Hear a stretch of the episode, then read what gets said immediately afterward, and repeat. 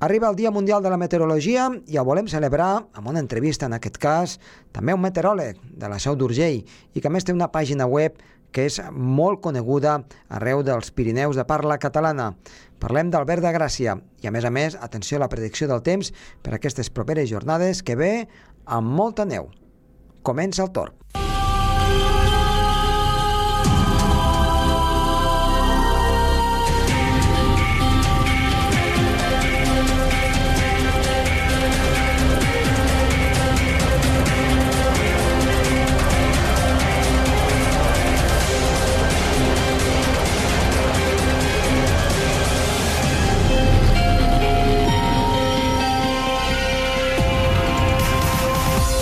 Molt bona tarda, déu nhi el temps meteorològic que ens espera en aquestes properes hores, aquests propers dies, en el Dia Meteorològic Mundial dedicat als núvols.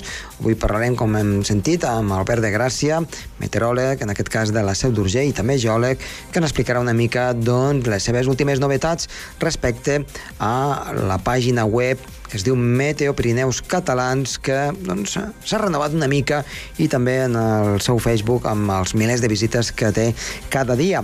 A més, tindrem en Roger Soler, que ens explicarà, com sempre, les novetats meteorològiques que han hagut al llarg d'aquesta setmana i una extensa previsió del temps per a aquests propers dies que ve molt forta. Som-hi!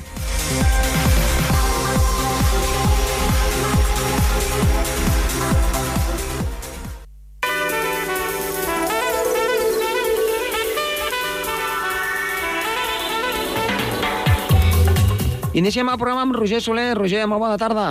Bona tarda, què tal?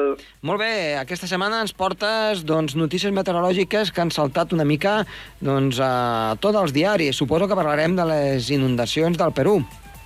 Doncs sí, doncs sí, avui parlarem de les inundacions del Perú, que estan sent catastròfiques, però també uh, del planeta. L'escalfament planetari és un fet i és palpable any rere any perquè s'han tornat a batre rècords. Que comencem per aquesta notícia que ens arriba des de Sud-amèrica, del Perú, aquestes pluges torrencials han provocat esllavissades, desbordaments de rius, 62 morts i 60.000 damnificats eh, des del mes de desembre. 11 desapareguts i, com dèiem, 60.000 persones que han patit directament les conseqüències d'aquestes uh, precipitacions, d'aquestes inundacions. Uh, és una de les uh, pitjors onades de pluges torrencials dels últims anys i això, com dèiem, ha provocat inundacions esllavissades i desbordaments de rius que també, doncs, a part dels danys personals, ha provocat molts danys materials. S'han portat cases, inundat correus, per tant, malmeten molt l'agricultura, les infraestructures i també compliquen molt la, la mobilitat. Davant d'aquesta situació, Josep, les autoritats han suspès les classes a les escoles de Lima i han ordenat restriccions del consum d'aigua per evitar contaminacions i infeccions. I, de fet, eh, Perú eh, s'ha ordenat l'estat d'alerta des de protecció civil. L'arrel del problema és mhm. l'augment de la temperatura de la costa del Pacífic que dona força al fenomen del Niño. Per tant, aquest any hi torna a haver Niño. L'any passat ja hi va ser. Aquest any hi torna a ser-hi. Per tant, no és un fet gaire habitual que succeeixi dos anys seguits, però està passant. La temperatura diferencial més alta del Pacífic provoca això, que hi hagi més inestabilitat potencial, que creixin els núvols i que aquests puguin deixar precipitacions. Sí que és veritat que ara és uh, l'estació de pluges que va començar al desembre i s'allarga fins aproximadament al maig. Podrien aquestes pluges tan fortes podrien allargar-se un parell de setmanes més fins a finals del mes de març, tendència a que l'abril doncs, pugui ser una miqueta més tranquil. Veurem. Eh, però, què anava a dir? Feia mm, doncs, uh, poquet que havia hagut un altre niño, com tu ho has dit, i ara estava mala niña i altre cop el niño. Per tant, una situació força complicada, no? Doncs sí, força complicada i bastant poc recurrent que dos anys succeeixi el mateix uh mhm. -huh. amb un niño tan extremadament fort, eh? Doncs sí, estarem ben pendents a veure com, quina, quina és la seva evolució. I ara ens vols parlar doncs, d'aquest, doncs, eh, a nivell mundial, aquest escalfament, no? Doncs sí, perquè l'any 2016 ha trencat tots els rècords de temperatura a escala planetària, una temperatura de l'aire sense precedents, uns nivells excepcionalment baixos de gels marins i un augment interromput, ininterromput del nivell del mar i que fa el rècord de temperatura càlida dels oceans, que ho podem relacionar amb l'aigua calenta del Pacífic que provoca el Niño. Mm -hmm. Doncs bé, aquesta temperatura càlida dels oceans, temperatura càlida de l'aigua del mar, així ho corrobora l'Organització Meteorològica Mundial en el balanç del 2016 només dos dies abans del, del Dia Meteorològic Mundial. De fet, no és cap sorpresa, perquè durant el darrer any les temperatures del planeta, de l'aire i dels oceans no han parat de pujar i um, han batut rècord mensual en 130 anys de dades. El 2016 deixa dades extremes. Temperatura de l'aire 1,1 grau per sobre dels nivells preindustrials, una xifra tan alta mai assolida que superen 0,06 l'anterior rècord establert el 2015. És a dir, cada any anem pulveritzant rècords eh, mm -hmm. de calor. El diòxid de carboni trenca també nous registres. La influència de les activitats humanes sobre el clima és un fet real i irrefutable, i el 2015, Josep, es van superar la primera vegada les, els 400 parts per milió, per milió, que és la mesura, i ha estat una constant durant el 2016. Després, el gel àrtic d'hivern també ha sigut el més baix des que s'emprenen registres per satèl·lit des de l'any 1976. El nivell del mar ha augmentat 20 centímetres des del començament del segle XX a causa de l'efecte d'expansió tèrmica de l'aigua i per la fusió de les glaceres, i la temperatura dels oceans ha estat la segona més càlida mai enregistrada tot just al darrere del 2015. I a més, denotem i també connotem la variabilitat, el temps cada cop més extrem, presència d'episodis de sequeres i inundacions, um, no, no pas un temps homogeni, sinó un temps, això, marcat pels extrems i pel fet radical d'episodis molt contraris i molt oposats. Gran part del sud d'Àfrica va patir les conseqüències de sequera, amb una estació plujosa on van faltar entre el 20 i el 60% de les precipitacions, però altres zones del planeta doncs, van estar sota condicions d'inundacions molt i molt fortes. Sí que és veritat que aquest, aquest hivern a la major part d'Europa, sobretot a Europa, a Europa Oriental, Grècia, Turquia, Sicília, han tingut temperatures fredes, inferiors a les més per l'època, ha sigut un hivern fred. Però això fins i tot no exclou que a nivell mundial, a nivell europeu, el planeta estigui en febre, les temperatures siguin per sobre eh, les normals i s'hagin batut els rècords de la mitjana. Bé, jo afegiria una cosa, que no és que el planeta estigui en febre, potser la febre la tenim nosaltres, perquè el planeta veritablement és igual a la, en la història geològica, i, i tu també ho saps igual, igual que jo, que canvis climàtics n'hi ha hagut d'aquests i molt més bèsties. El que passa que eh, aquests canvis climàtics ens afecten a nosaltres és on tindrem el problema. Vinga, doncs, eh, t'esperem la setmana que ve, a veure quines notícies ens portes. Que passis Perfecte, una molt bona molt setmana. Bé. Adéu-siau. Igualment, adéu.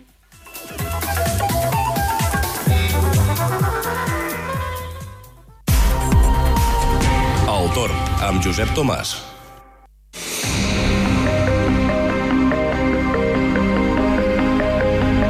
Avui dia Mundial de la Meteorologia, que millor que fent entrevista al nostre company amic Albert de Gràcia, de la Seu d'Urgell. Albert, bona tarda. Hola, molt bona tarda. Ell és meteoròleg, geòleg i, a més a més, eh, volem que ens expliqui eh, una mica la seva trajectòria i, sobretot, que, que ens en faci 5 cèntims de la seva eh, nova web, eh, Meteo Pirineus Catalans, a, part del Facebook, en el qual doncs, té eh, un nombre molt i molt elevat de, de seguidors. Albert, eh, explica'ns una mica eh, com va sorgir la idea de fer aquesta pàgina web. Doncs aquesta pàgina va néixer fa uns 7 anys, uns 6-7 anys aproximadament, que vaig començar a fer previsions pel meu compte a, a través de Facebook i vaig veure que a poc a poc la gent s'anava animant, m'anaven seguint i, bueno, a poc a poc ha anat creixent aquest projecte i vaig decidir un dia fer una pàgina web, eh, cada vegada la cosa anava més, anava més, i ara aquesta setmana he inaugurat la pàgina nova, eh, amb un disseny més atractiu i mm -hmm. amb més serveis que puc oferir a la gent que ha consultat la pàgina web per estar informat del, de la meteorologia del Pirineu català. Mm -hmm. um, la pàgina es diu Meteopirineus Catalans. Sí. I abraça tot el que és, diguem-ne, uh, el Pirineu de, de parla catalana, per dir-ho d'alguna manera. Diguem que sí. Agafem una miqueta el que seria la Catalunya Nord, la Catalunya en si, Andorra, una miqueta l'àrea d'influència del Pirineu aragonès i una miqueta l'àrea d'influència de, de Pirineu francès. Mm -hmm. Limitar-ho només a les fronteres és una mica absurd, entenc, i aleshores pues, intento explicar una miqueta més diguem tot l'àmbit d'aquesta part oriental del Pirineu. Mm -hmm. I a, a la pàgina del Facebook eh, el nombre de seguidors és, és veritablement, deixem-ho dir així, eh, al·lucinant Tens vora de, a veure si no m'equivoco, eh, més de 10.000 seguidors? Mm, més de 16.000, crec. Més de 16.000? Sí. Per tant, ja Sí, estem sí. parlant d'una cosa molt seriosa, eh? Sí, a Twitter crec que supereu els 2.000, i Instagram 3.500, bueno, en total me'n vaig a més de 20.000 persones en xarxes socials. Per tant, eh, podríem dir, eh, que ets una mica un influencer, no? Bueno. Seria dintre del món de la meteorologia? Una mica sí, no? Perquè quan, quan l'Albert diu alguna cosa, eh, tothom eh, està una mica alerta a veure, a veure què pot passar. Um, quins beneficis t'ha pogut portar? Doncs, a, a, no estem parlant de beneficis econòmics, que això doncs, és una cosa doncs, que en aquest programa no en parlem, però sí beneficis a nivell personal, de, de, de fer aquesta pàgina i de que la gent doncs, hi hagi aquest feedback. No sé, és una... diguem que és una passió. Sempre m'ha agradat molt la meteorologia. Eh, fent aquestes previsions eh, cada vegada crec que vaig aprenent més. Lògicament, tots els que ens dediquem en aquest món, doncs el dia a dia anar mirant els mapes, sabent què acaba passant després amb el temps i això, doncs et dona una experiència que lògicament cada vegada pots afinar més amb els pronòstics. I després també m'ha portat molt, doncs, no sé, el, la, la gent, els comentaris que et fan, que estan molt agraïts amb la feina que fas, doncs penso que això és el més agraït de, de tot després de fer tota aquesta feina. Sí, perquè ve- veiem que fins i tot de, des, de, des de la persona doncs, que se'n va a la muntanya fins po polítics de, de, del més alt nivell doncs, eh, comenten eh, les teves previsions meteorològiques, el qual doncs, eh, a nosaltres personalment doncs, ens, ens agrada molt i també és, eh, algú podria pensar, home, és que és la competència. Al contrari, és, és un ajut, no? Entre tots ens ajudem a que, a que la meteorologia es divulgui més i es faci més extensa i la gent s'hi aficioni. Perquè al cap i a la fi, després, quan la gent va a la muntanya, es poden trobar amb sorpreses i, si més no d'aquesta manera, van una mica més segur. Però tu, a més a més, a, a part de la teva vessant meteorològica, tens una part geològica, no? que també ens agradaria que, que ens comentessis una mica. Doncs sí, vaig estudiar geologia a la Facultat de Barcelona, a la, Central, eh, i, bueno, per mi una experiència xulíssima els estudis d'aquesta carrera que són molt fascinants, la geologia.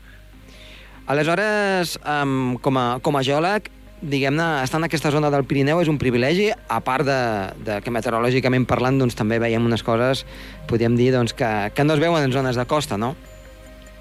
Sí, home, visquem a, en una de les zones més interessants geològicament parlant de, de tot Catalunya i, bueno, podríem extrapolar-ho a nivell europeu. Uh -huh. A nivell geologia, el Pirineu és una passada.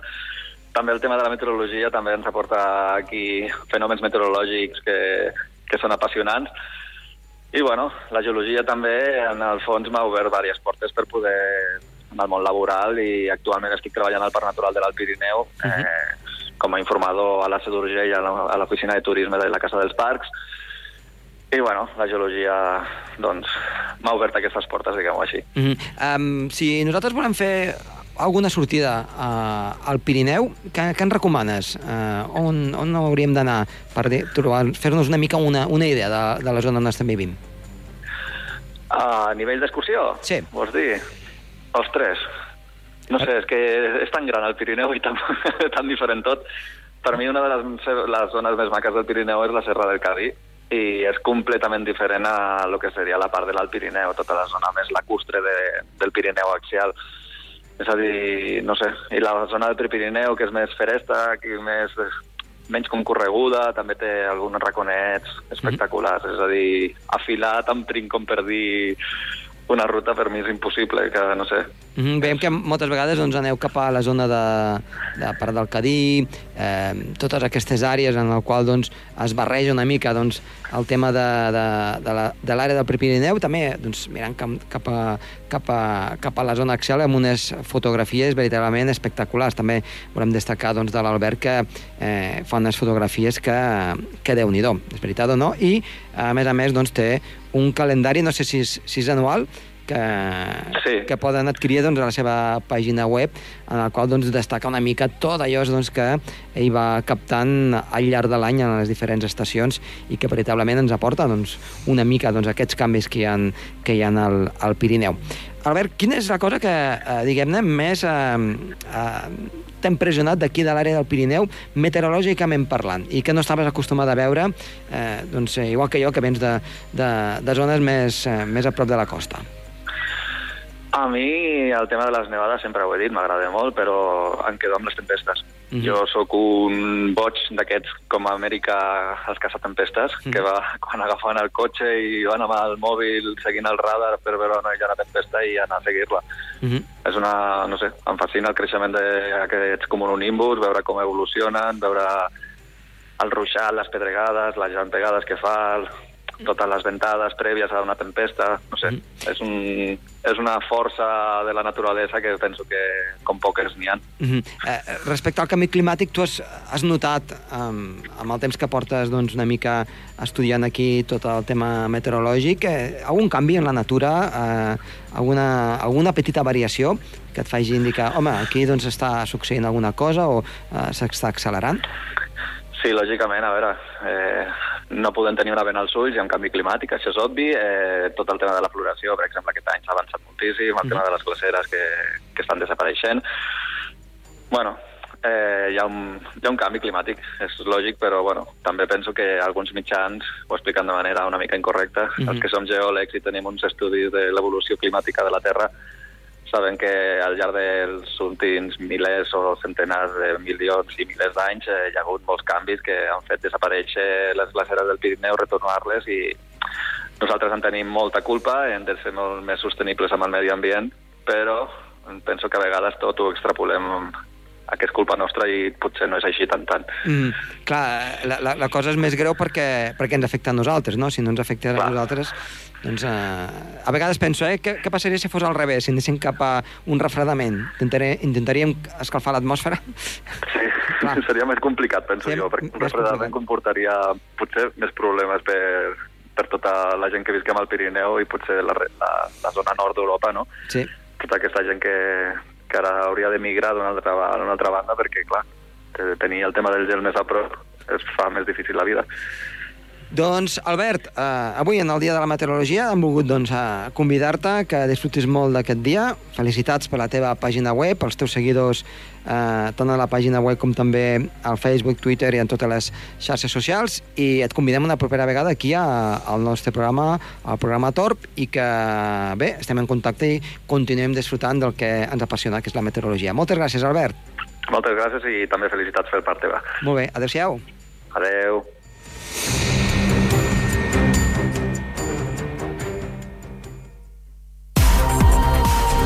El torn amb Josep Tomàs.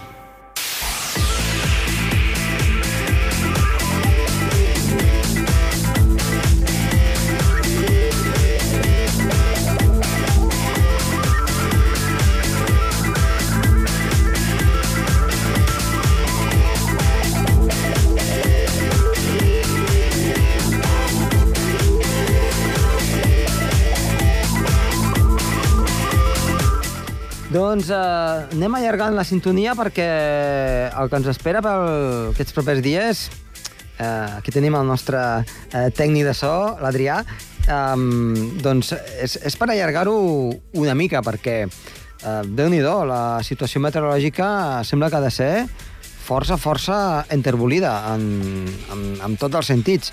I és que, de fet, el, el que s'espera és, és una situació, doncs, de molta inestabilitat. A veure, ens anem a explicar. Uh, ara mateix, uh, avui ens ha creuat un front, un front que ha deixat alguna precipitació, i ha entrat una bossa d'aire fred per uh, la zona oest de la península Ibèrica, que ha, prof ha provocat nevades entre els 300 a 600 metres. Per exemple, nevava en zones de Portugal de 300 metres tan sol, cap a la meseta doncs nevava a la mateixa capital d'Espanya, a Madrid, per sobre dels 600 metres, i això doncs, ens dona una mica um, la, a l'ull, ens dona una mica doncs, el camí per on, per on va aquesta pertorbació, que eh, entrada aquest aire fred provoca tempestes, provoca doncs, eh, una situació meteorològica eh, d'inestabilitat, però quan es barreja amb l'aire mediterrani, això serà doncs, una, un còctel explosiu, podríem dir.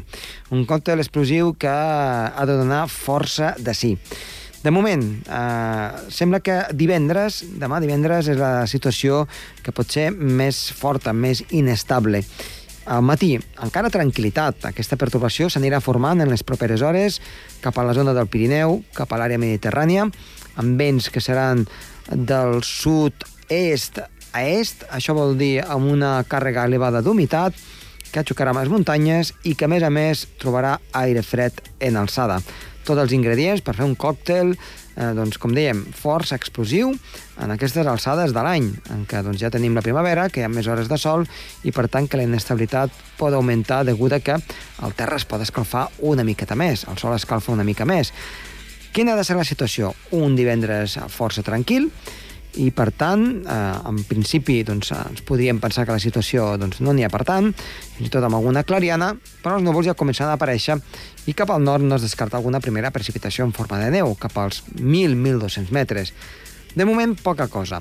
Serà a partir de la tarda que comencin ja algunes precipitacions, dèbils encara, poca cosa ja quan eh, passi mitja tarda, especialment ja doncs, a partir de la tarda vespre, aquestes precipitacions sembla que aniran a més, si més no, amb els mapes de darrera hora i els que hem anat seguint al llarg d'aquests dos darrers dies. Tots van coincidint amb aquesta situació d'acusada inestabilitat. Per tant, divendres tarda vespre, eh, nit matinada i eh, especialment fins dissabte a mig matí, aquestes podríem dir des de les 8 del vespre de divendres fins les 8 del matí de dissabte, aquestes 12 hores, per posar doncs, una mica doncs, eh, un temps horari, eh, tindríem doncs, inestabilitat que podria dur nevades destacades i molt importants al Pirineu. A nosaltres ens tocarien entre, segons els mapes, entre els 40 i 50 centímetres de neu nova i que s'acumularien a cotes superiors als 1.600-1.700 metres. Què vol dir? Que per sota no nevaria? Sí, però com que la cota de neu seria una mica canviant, ara explicarem el per què, doncs atenció perquè la situació meteorològica doncs, seria perillosa a l'alta muntanya i amb un perill de llaus que és de ben segur pujarà molt ràpidament.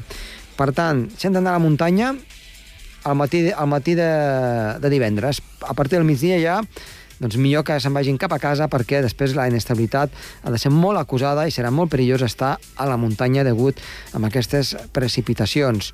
El Pirineu Oriental pot arribar a caure més d'un metre de neu.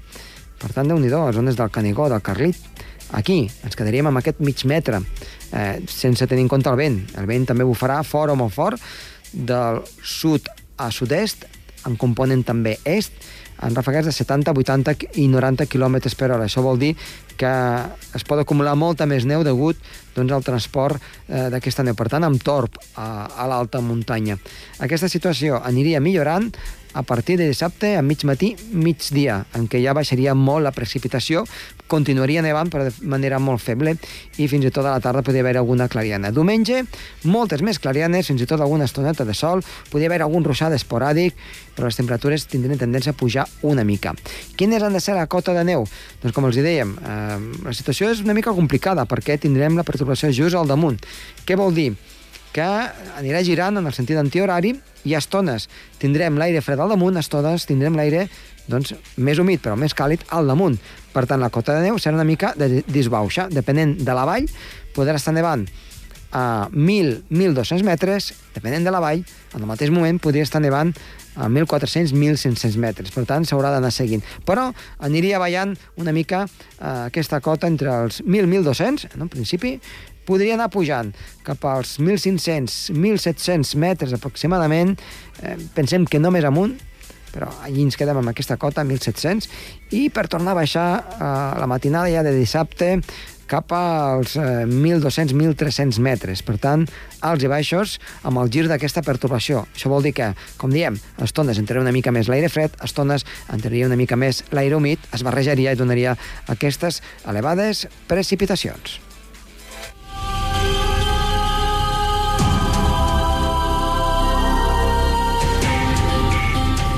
Fins aquí el programa d'avui. Esperem que els hagi agradat. Esperem que hagin passat un bon dia mundial de la meteorologia i demà, doncs, atenció amb aquestes pertorbacions que ens afectaran. Veurem què és el que acaba passant. Estat de les vies de so.